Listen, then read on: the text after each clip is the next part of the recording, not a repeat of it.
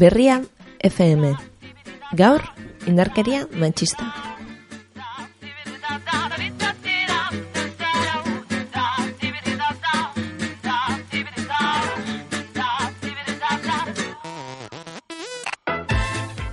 Ongi etorri Berria FM-eren lehen saiora.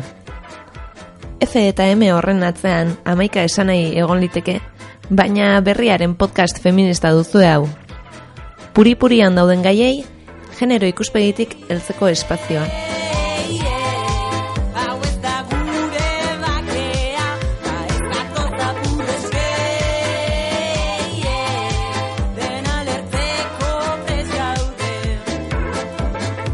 Ni, Maider Galardin nauzue, eta begira da zorrotzarekin baina patxadaz landuko ditugu hainbat gai aurrerantzean. Bi astean behin, asteazkenetako zitan.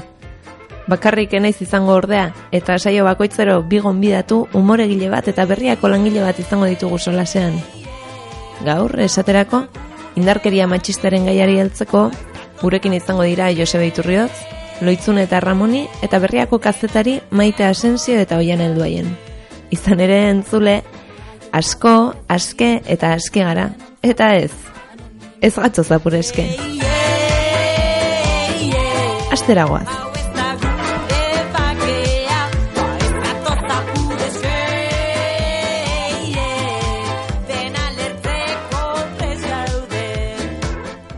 Orain bi aste Euskal Herriko bosgarren jardunaldi feministetan holtza gainean eta mainguru nagusietako batean izan zen Josebe Iturriotz, hain zuzen ere indarkeriari buruzko mai zentralean. Gaurkoan ere gurekin horren inguruan e, aritzeko izango da, Atxaldeon Josebe. Arratxaldeon. Zer moduz? Oso, no, eta oso pozik hemen zukin egotea atik honetaz hitz egiten. Mai inguru zentral hortan eman zen itun titular batzuk, hoiek e, berriro onera ekartzea gustatuko litzaidake eta kontzeptu batzuk e, argitzea. Besteak beste, violentzia sexistaren kontzeptualizazioa birpentsatzeaz eta violentziaren teknika performatiboen apropiazioaz ari izan zinen, baina zer da, zer da hori, zer da violentzia performatzea? Bueno, nik uste e, medeak bilakara luzea izan dugula justu gai hau pentsatzen, e, izenburuak ere birpentsatze hori bi azpitulatzen du ez, bigarren bat delako jardunaldi batzuetan egon ginelako eta honi buruz sakon egon ginean pentsatzen. Eta guk uste dugu, ba, medeak 2000 eta deratzi garren urtean ez banago gaizki, e, artikulo bat idatzi genuen honen inguruan eta bere impactua izan duela, ez guk impactatu dugulako, baizik eta diskurtso bat txertatzen ari zelako, ez? Eta hortik datoz adibidez, ba, gaueko maniak edo, edo beste e, mezu batzuk plazaratu ditugula, ez? Orduan, bueno, bazentzu horretan gure proposamen horrekin esaten genuen azan, e, feminismoa, mugimendu feminista, e, empoderatu behar da la modu batean, eta indarkeria matxista, eta indarkeria orokorrean guk kudeatu behar dugula, ez dugula delegatu behar estatu batzuetan edo erakunde batzuetan zeintzuk gainera indarkeriaren monopolioa erabiltzen dute, ba, azken finean, ba, herria jazartzeko, eta eta gainera egiten dute maskulinitate hegemoniko horren forman, ez dira gorputz, segurtasun gorputz horiek, ez badira maskulinitate hegemoniko eta, eta, eta violento bat. Ez orduan, bueno, ba, esaten genuen azan, e, ba, feminismoak e, hartu behar duela indarkeria matxista simbolikoki, estrukturalki eta zuzenean, hau da, ez bakarrik e, maila batean, baizik eta transbertsalki eta indarkeria matxista kokatzen den toki guztietan, aliantza edo, edo zubi edo jasagin nola esan ez, baina aliantzak korre esaten genuen, ba, aliantza bitxiak edo orain arteko e, aliantza batzuk egin ditugu, baina e, gehiago, ez ba, akademia, zuzendaritzan e, daudenak, administrazioan, enpresan ere bai, osea, behar ditugu, aliantza oso oso, oso irekiak, Eta, bueno, ba, e, maia simbolikoan esaten genuen oso oso importantea da la horroperatzea, oda beste eredu batzuk e, sortza, eta bueno, azken finean ere esaten genuen azan, guzti hau egin behar dela, baina e, hor badarela marra gorri batzuk, ez? Marra gorri etiko batzuk, ezin dugula indarkeria errebindikatu, distantzia bat hartu behar dela, eta nahi duguna da gizarte bat nun indarkeria ez du funtzionatzen, o ez dan bidea kontratu soziala egiteko, eta nun gizaki guztiek beldur horekatu batean e, bizi diren. Ez? Eta maksima etikoa da, azken finean, gure kontra ez jutea, eta eta gure gorputzei mingen jago ez egitea azken finean badenak oso minduak gaudelako ja, ez. Hor daude lema batzuk azken urteetan indarra handia hartu dutenak eh, mugimendu feministan, esate baterako beldurra bando zaldatuko dugu, bakea ez da existitzen, feminismoa bai, horrek e, bi esalioiek zer kokapen lukete orain bueno, proposatzen dezuen diskurtso honetan. Bueno, nik uste e, erabat lotuak daudela, ez? Osea, e, adibidez, beldurra alde aldatuko dugu, eske guk ere beldurgarriak izan nahi dugu, ez? Azken finean, e, emakume bat kalean ibiltzen danean, eta pausoak entzuten dituenean, beldurgarria da gizon bat, atzean aurkitza. Gizonentzako, nik adibidez ikasle izaten dietenan adibidea, mutilek barre egiten dieten eskei, ez? Beraientzako ez gara guk beldurgarriak, ez? Eta zergatik ezin gara e, beraiek bezain e, beldurgarriak izan? Osea, zergatik kendu digute indarkeria edo edo e, bai, bueno, e, indarkeria erabiltzeko aukera, ez? Erabat espropiatua gaude, ez? Zentzu horretan, ba, beldurra horekatu behar da, eta nola egiten da, ba, aldez ere aldatuz, ez? Eta gero ba, bakearena, eske, bakearena oso hipokrita da, zatik azken fina nola definitzen dira bakeguneak, edo bake momentuak, ez? e, gizonen arteko gerrateak ez daudenean. Oran, ze gertatzen da, naturalizatu egin direla beste gerrate, egunerokotasun, egunerokotasunean txertatzen diran beste gerrate batzuk, e, emakumeekiko indarkeria, transekiko indarkeria, e, boieran kontrako indarkeria, e, homofobia, baina norre ere txertatu daiteke adibidez naturaren kontrako indarkeria, animalien kontrako indarkeria, ez orduan, zer da gizarte baketsu bat? Orduan, guk esaten duguna da, beraien bakea ez dala existitzen, feminismoa aldiz bai, eta feminismoa egiten duena da, ez tapatu, ez estali, indarkeria egoerak esanez, bakean gaudela, baizik eta ikustarazi, bake momentu batetara iristeko nahi asko falta zaigula, eta hau ez dela gure bakea. Ez? Orduan, nik uste, e, lerroietan, guk igual hitza jarri dizkiegu gauza askori, baina mugimendu feminista bazeraman e, gauza hauek apuntatzen azkeneko amarrute hauek, ez? Gorputz violentatua zinela edo zarela e, bota zenuen durango, baina baita ere azpimarratu zenuen oroarran bildutakoak gorputz violentatuak e, zirela edo ginela. Beraz, individualki bizi ditugunak hoiek e, kolektiboki edo diskurtso kolektibo batean nola josi? Osa, nik adibidez horretaz hitz egin nuenean, nire helburu importantena zan gure diskurtsoa ez dela universala, e, e, zentzu horretan ez, e, dekolonitate maian esaten zana, ez da diskurtso kolonial bat, ez du indarkeria guztia esplikatuko. Baizik eta kokatzen du kontestu batean eta begirada batean nola irakurtzen da e, indarkeria. Eta zentzu horretan, eretzako oso importantea zan, jartzea nire interes propioa eta zergatik niari nintzan mai horretan indarkeria zitze egite, eta orduan, nik nire bizitzan e, jarronaldi ezberdinetan egon naiz, eta mai ezberdinetan egon naiz, eta jende askok zauraski kokatzen nau gehiago, e, e, gorputzen eta desiren mailan eta nire transexualitatea, eta nire lesbianismoa, eta nire ez mobida guzti horiek kontatzen, bai, jende askok ez nau ikusten, gorputzo zuen violentatu bat dezela, ez? Orduan, etzan, bueno, jendea bosta xola, baina bai erdigunean jartzea esperientzia hori, hortik hitz egin behar nuena, eta gero baita ere, ba, bai ez da pen importante bat, eta da, ez naizela bakarra, ea, emagume guztiok, trans guztiok, maritxu gehienek, e, e, lesbiana guztiok, bizizan ditugu indarkeria egoerak maila ezberdinetan, bakoitzaren bibentzia legitimoa da, eta nik uste bakoitzaren bibentzia horri gorputzen eta toki bat ematen sortzen dirara erlatu kolektiboak, ez? Horri ikusten dira elementu estrukturalak eta horiek dira importanteak, ez? Orain, nire esperientzia unikoa da. Orain, nire esperientzia partekatzen dudanean eta espazio horretan nire esperientziatik datozen irakurgeta orokorrak egiten dudanean, ez naiz ari bakarrik nire indarkeriaz hitz egiten, baizik eta askok bizi izan dugun e, indarkeriaz. Eta askok oso identifikatuak sentitu ziren e, nire hitzetan, beste batzuen errealitatea segurazki ez dut harrapatu eta oso importantea da errealitate horiek e, ahotsa behar dutela eta mai gainean jarri behar direla, Baina hori azken finean bai da ikuspuntu etiko bat, ez? kokatzea.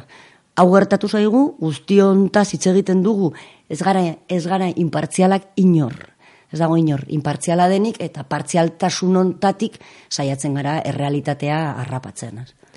Azken urteetan akaso gehiago erreparatu zaio indarkeria matxista zibilinoago bati, mikromatxismoak aipatu dira askotan, horri begira egon gara, baina ezakite, gaur eguneko panoramari begiratuta, ezakite esan dezakegun egoera larriagoa dela, baina badaude talde bortxaketak eta fuerte salatzen dira, eraso fasistak eta matxista esplizituak egon dira, kalean, esate baterako pikara bai. magazinen tean bertan, baina baita ere sarean, ezakite, violentzia matxista beste urrats bat eman du? A ber, eske, ai, eske hau zaila da esplikatzen zati jendeak, e, nik uste historiaren e, kontzeptzio oso perbertsua daka. Historia ez da progresiboa eta eta ez, gor, ez goaz beti aurrera, zai nola esan, ez? E, zentzu batea, laro margarren amarkadan adibidez, e, emangumezkoak akatzen zituzten eta bosta xola den hori, bortxaketak ematen ziran, orain bezalakoak eta basatiagoak, eta bosta xola, e, nina alkaserreko belaunaldikoa naiz, ez, begira zer egintzan informatiboki kasu horrekin, eta nola sartu gintuzten beldurra gorputzean, ez? E, garai horretan, telebistetan, e, esfera publikoan zeuden ahotsak gaur egunekin alderatuak, segurazki, e, beste batzuk dira, ez? Baina, baina, horrek ez du esan nahi, feminismoa aurrera egin du, eta guk adibidez, laro gita margarren amarkadan, feministak guk, ginean, ez ezagun batzuk, feminista zinela ia esatea zan, esatea, basa ez, gizonak afaltzen zen itxula gauetan, eta orduan, mehatxua txikiagoa zan, gorrotua gehiago zan, Baina, mehatxoa txikiago zan, baz, geundelako identifikatuak, ez ginen importanteak inorrentzako, orain beste nabarmentasun bat hartu du diskurtso feminismoak. Beste aurrera pausuak egin ditu. Azkeneko e, ama urtetan, hogei urtetan, legalki pila bat aurreratu da, dakago indarkeria lege bat, matxistak eta maltratadoreak kartzelan sartzen ditunak gutxi, gutxi egi, baina askorentzako gehiegi, ez? Orduan, erreakzioa gogorragoa da, antolatuagoa da, identifikatuagoak gaude, uste dut sare sozialen erabilera nibarne e, ez dela egokia, era, egiten dugun sare sozialen erabilera, e, lehenengo belanaldien blogen bitarte, bitartez eta beste motatako eztabaidak sortzen ziren, baina momentu honetan ez, askotan ez dakizu, zure mezuekin, gehiago elikatzen ari zaran etxaia, ez? Orduan nik uste badala momentu oso potente bat, birpentsatu behar diala gauz asko, estrategia redefinitu behar direla, antolakuntzara jo behar dugula, osea, jende asko ari dela feminismoan antolatu gabe, ez duela ezagutzen antolakuntza, eta bakarrik antolakuntza e, e, baliogarria da zentzu honetan. Osea, individualki, atomikoki oso ondo dago e, deialdi batetara iristean, manifestazio batetarako, baina segurazki hemendik urrengo urtetan, osea, oraindik aurrera, behar izango ditugu, ba, burura etortzen zaizkita adibidez, ba, e, aborto adibidez e, bideratu behar izan zenean, ez? Ba, nola e, mugimendu feminista antolatua zegoen horri erantzun bat emateko, ez? Indarkeria matxistarekin ere antolatu gara, e, planindak eta gauza asko egin ditugu, e, antolatu behar izan gara, ba, zerbitzuak emateko, errealitate bat irantzuteko, ez? Eta orain gaude hor, eta espero dut, guzti hau antolakuntzara joatzea eta azkenean gure inteligentzia osoa erabiltzea. Ez, adibidez kasua ba, pikara eta irantzu barela eta guzti hauek, ba nik ezakit askotan saretan ari da gauza guztia ematen, eta nik ezakit noraino den interesgarria saretan hori ematea, ez? Enemigoari esatean nuntzauden, enoiz egiten dizkizuten pintadak, baina bai didez interesgarri izango litzateke alde judiziala ikertzea zentzu horretan. Eta ikustea adibidez, zeloturak dituzten e, atake hauek, e, momentu honetan e, matxismoaren izenean hitz egiten duten alderdi hoiekin, ez? Eta nola dauden antolatuak eta saiatu arazoak beraiei sortzen eta ez beraiek guri, ez? Ba, horretarako antolatuak egon behar gara, behar ditugu abokatuak, behar ditugu segurazki diruak, behar ditugu estrukturak, behar ditugu gauza batzuk, orain ez ditugunak eta sortu behar ditugu. Biskata, azkeneko galdera ere hildo hortatik, eta nik uste, bueno, galdera potoloa dela eta erantzun zabala izan dezakela eta eginez erantzungo dela, baina hau guztia hola, panorama hola azalduta, zein, zeinek behar du edo nolakoa behar du mugimendu feministaren estrategiak? Ez, ez nintzateke hau sartuko e, nik esatea zein izan behar den e, mugimenduaren estrategia. Osa, mugimendu feminista da buru askoko e, gorputz bat, ez? Orduan, bai, gure iritzia edo nire ikuspuntutikan, eta nik uste ez naizela bakarra momentu honetan nahiko buru asko daude momentu honetan Euskal Herriko mugimendu feministan pentsatzen bidea antolakuntza dela, e, bidea dela anistasun guzti hori horri e, bide bat ematea, ezin garela feministo, feminismo monolitiko batean bilakatu, momentu honetan sortzen ari da feminismo hegemoniko bat, e, txuriegia dena, e, emakumegia dena, zentzu, zentzu e, ez dakit, ez negatiboan, ez dakit zentzuri existitzen da, baina bai beste sujetu asko kanporatu nahi dituen. Esenzialista. Ema, esenzialista, bai, ez, e, e, berriro ar, berpizen ari gara debate batzuk, laro gigarren amarkadakoak, eta bapatean berriro modan jarriko da e, feminismo hori, desberdintasunaren feminismo, bai estatzen ziran, gizakia bi sujetu ezberdinak direla, eta ikusten dugu hori sare sozialetan, ikusten dugu toki askotan. Beldurra asko ematen dit horrek, Osa, beldurra asko ematen dit, jende bat egindana feminista telebista ikusten, bideoak ikusten, ez duen antolakuntza ezagutzen, eta ez dakiena da feminismoa ezberdinen artean egiten dela. Feminismoa, mugimendu feminista preste egon behar du autokritikarago. Mugimendu feminista bideratu behar ditu debate batzuk. Esate baterako prostituzioarena izaten ari dela... E, bada egitez, e, bitan manatuko gaitu, txikituko gaitu azkenean, ez? E, jendearen jarreraren gatik, eta eta geroz, eta posizio, e, ba, ba, bada egite, ez dut ulertzen, baina absolutistoagoak, eta, eta momentu honetan adidez, sare sozialetan gaiaren inguruan, eta jardunaldien arira, sortzen ari da gatazka bat, ba, hori izango litzateke beste estrategia bat, ezin ditugu debate horiek sare sozialetan izan. Orduan, ez badira gerturatzen mugimendu e, antolatuta, antolatura, betatzen badituzte taldeak, ez nahi sartuko talde batean, ez duena pentsatzen ni bezala.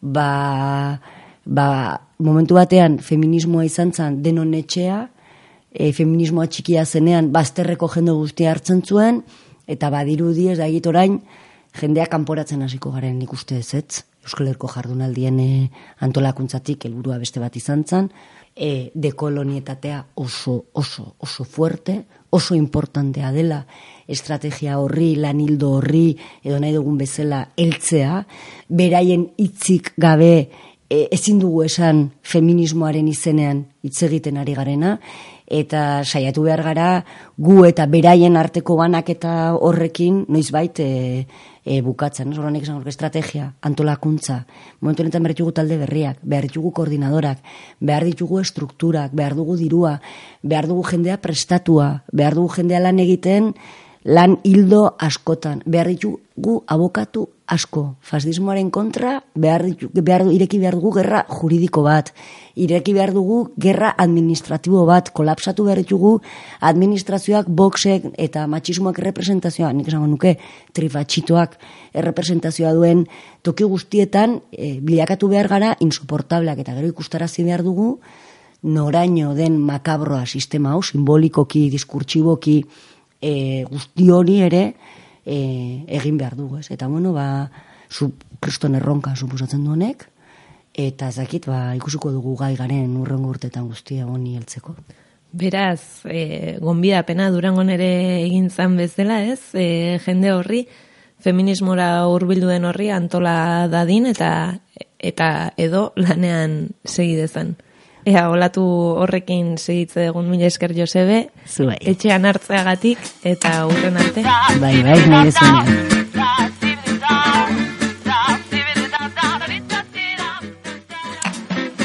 A ver. Bai. Bai. Bueno, eh, Osea, eh, loitzun eta Ramon Igea. Bai. Eta guk, eh, oza, oain arte irratira la deitza Bai. genuen, ez? Uste ez zitzaigun hola konsultoriotan da parte hartzea. Bai, ba, Oso gure- zaleak, ba, izan dira. oso, oza, gure, gure, eh, hausnarketak oso interesgarriak izate ja betita, Bai. ba, esan bueno, baina guain ja, ez, ez omen do, ez da, deitzen ja irratia, po, pod- podólogo, podólogo, Podólogora. eh, bueno, No, podólogo no, ez, ez, Ramoni. po, ez, Bai. ba, hortare deitze, de, baina, bai, bai, bai, ez, Poca- po- po- pod- pod- Pocahontas. Pocahontas, ez, Ih, ez, ez da, txoin, hola. eh, poco, poco, poco, poco yo, da ere. eh, eh, Post- post, eh, po- postat, post, postit, Posta. ni postit ni postat, Em, eh, eh, em, pro- eh, eh, po- po- pro- po- prostata. prostata, ez, Prostata, ez. ez, ez, da, Po- po- podos, Po- podcast. Po- podcast. Esan dut. oso ondo, Esan osune, dut. oso ondo, bueno, Ba, deitze deuse, bueno, ontaz hitz egiten aizeate. Podcasten eh, agertu barraldu Josebek. Joder, leku guztitan ikuste dugu azken aldin? Jardun alditan antxe zeon, dena ematen holtza gainean. Si, Ikusi genuen? Ha, nik uste liburu bate eskuartean eukiko ula, seguru argitaratzeko esperuan. Ha, Ta telebistan ebaileku guztitan. La 1, la 2, ETB irunda ETB esaten uste ere agertzeala. Ikuste ez dana ikustarazten beti Josebe. Ara. Esan diate, eh? Aurki Netflixen ere ikusiko deula. Zu, pakita salasen bertxio euskaldunian. Oize izangoa. Joseita egon gelas management feminista. Ah, tokatelaz. Bia, leku guztitan da, oh. Gerra eharra emateu. Claro, horreatik esango, bakea ez da existitzen, feminismoa bai. Ematen nahi dan gerrakin? Ha. Nola gustatzen zaizun, Josebe? Nola gustatzen zaizun? Eta gu Euskal Herriko bosgarren jardunaldi feministetan egondakoa gea. Bua! Ze ondo pasa deun. Ze ondo Rabi. ditzune! Bueno. Zenbat emakume! Bai. Zenbat asterisko!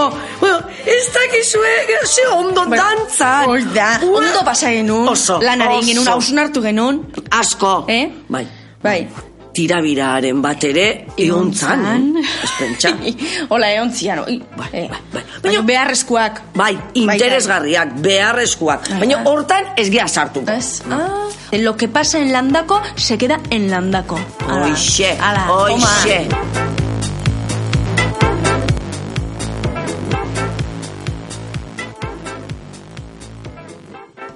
Eta azaroaren hogeita bosta, hain justu indarkeria matxistaren aurkako eguna gertu daukagu igandean izango da, eta urtero moduan berriak gaiari helduko dio, ertz diferente batetik aurten, maite asensio kazetaria aritu da igandeko erreportaje nagusia prestatzen gasaren gurasoen alienazioaren sindromea delakoaren inguruan baina agian ez da oso ezaguna oraindik ere eta berari galdetuko diogu ea zertan dan gas hori. Kaixo maite? Kaixo, ba ez da oso gai ezaguna ez, eta gainera e, arazo handi bat dago gas edo guraso alienazioaren sindromearekin berez ez delako existitzen. Ah, Ez dago inon aitortua. Adibidez, osasunaren mundu erakundeak edo nazioarteko psikologia e, erakundeek ez dute onartzen, ez dute onartzen existitzen denik, posiblea denik e, alienazio hori, baina aplikatu egiten da bai epaitegietan eta bai e, ba, justizia sistemarekin lotutako beste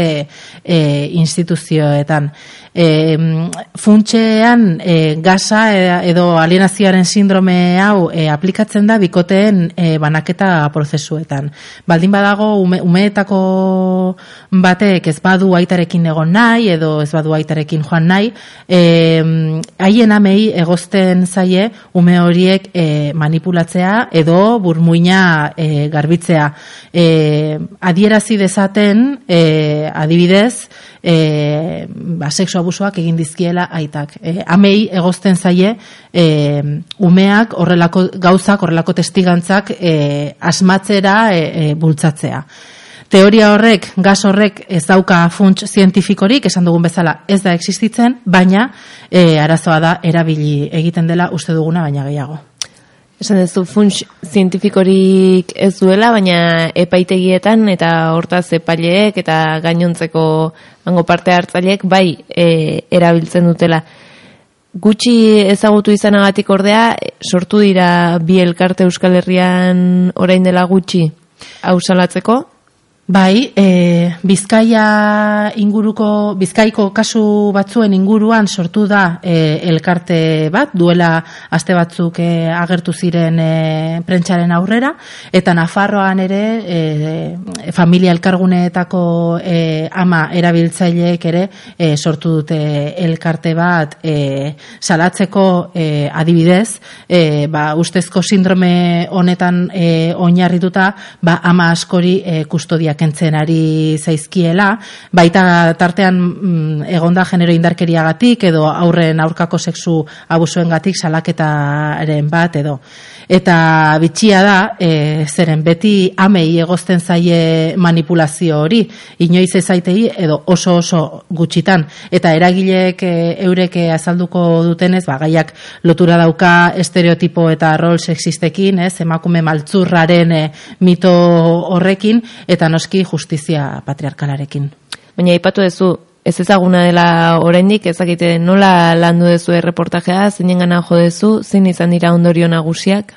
Ba, hitz egin dugu gaia aztertu eta ikertu dutenekin, e, eta baita ere, ba, plataforma, sortu diren plataforma hauekin, baina saiatzen ari gara ere, e, era berean e, instituzioen atea jotzen. Ea e, erantzuten diguten eta ea sortea, sortea dugun. Eta e, era berean saiatzen ari gara ere testigantzak e, lortzen, ez? E, sap edo gaz e, gurasoen alienazioaren sindrome hori aplikatu zaien e, emakumeen testigantzak. Eta ondorioi dagokionez badago ondorio oso oso kezkagarri bat hainbat eragileren ahotan e, agertu dena. Eta da gaur egun e, alienazioaren sindrome hori bihurtzen ari dela aurren aurkako sexu abusuak ez ikertzeko tresna nagusietako bat. Eta ondorioz bai aurren aurkako tratu txarrak zein sexu abusuak geratzen ari dira ikertu gabe eta zigor gabe. Beraz bada abia puntu bat beste hainbat e, ausnarketa eragiteko ere. Eta ala ere esan duzu funts zientifikorik ez duela, baina aplikatu aplikatu egiten dela beraz, gai ez ezagun hori, baina larria den gai horri leku egingo dio berriak igandean, eta hortxe, gonbidapena maiteren erreportajea irakurtzeko.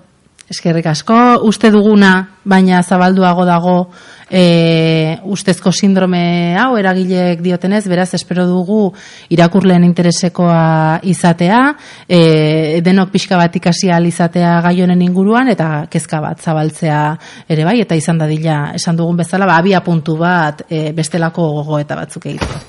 Eskerrik asko maite eta gustoz irakurriko dugu. Eskerrik asko zuri.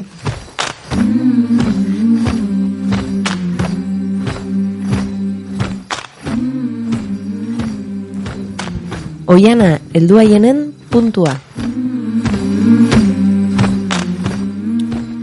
Anarik abesten du, irentxi zintuen Luiziaren aurretik heldutako harri solte ura zen ulertu behar zena. Indarkeria matxista Luizi handiak dira, baina baita harri solteak ere. Argi identifikatzen ditugu Luiziak, baina hartxintxarrak?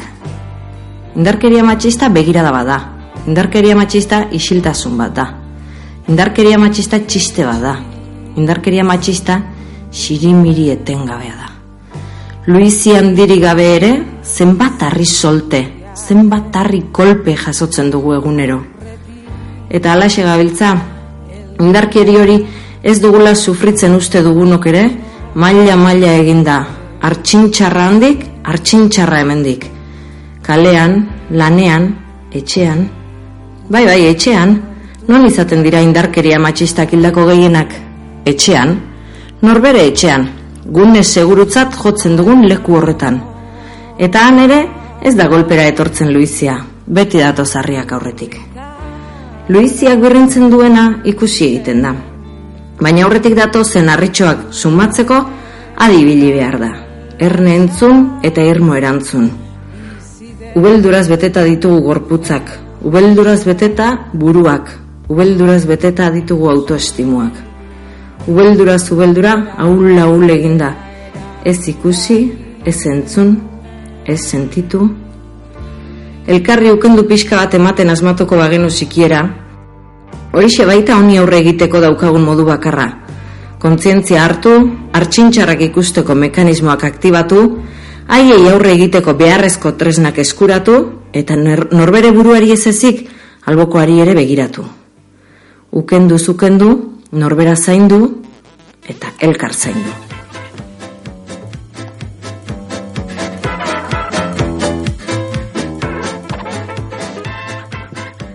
Eta gaurkoz, besterik ez entzule.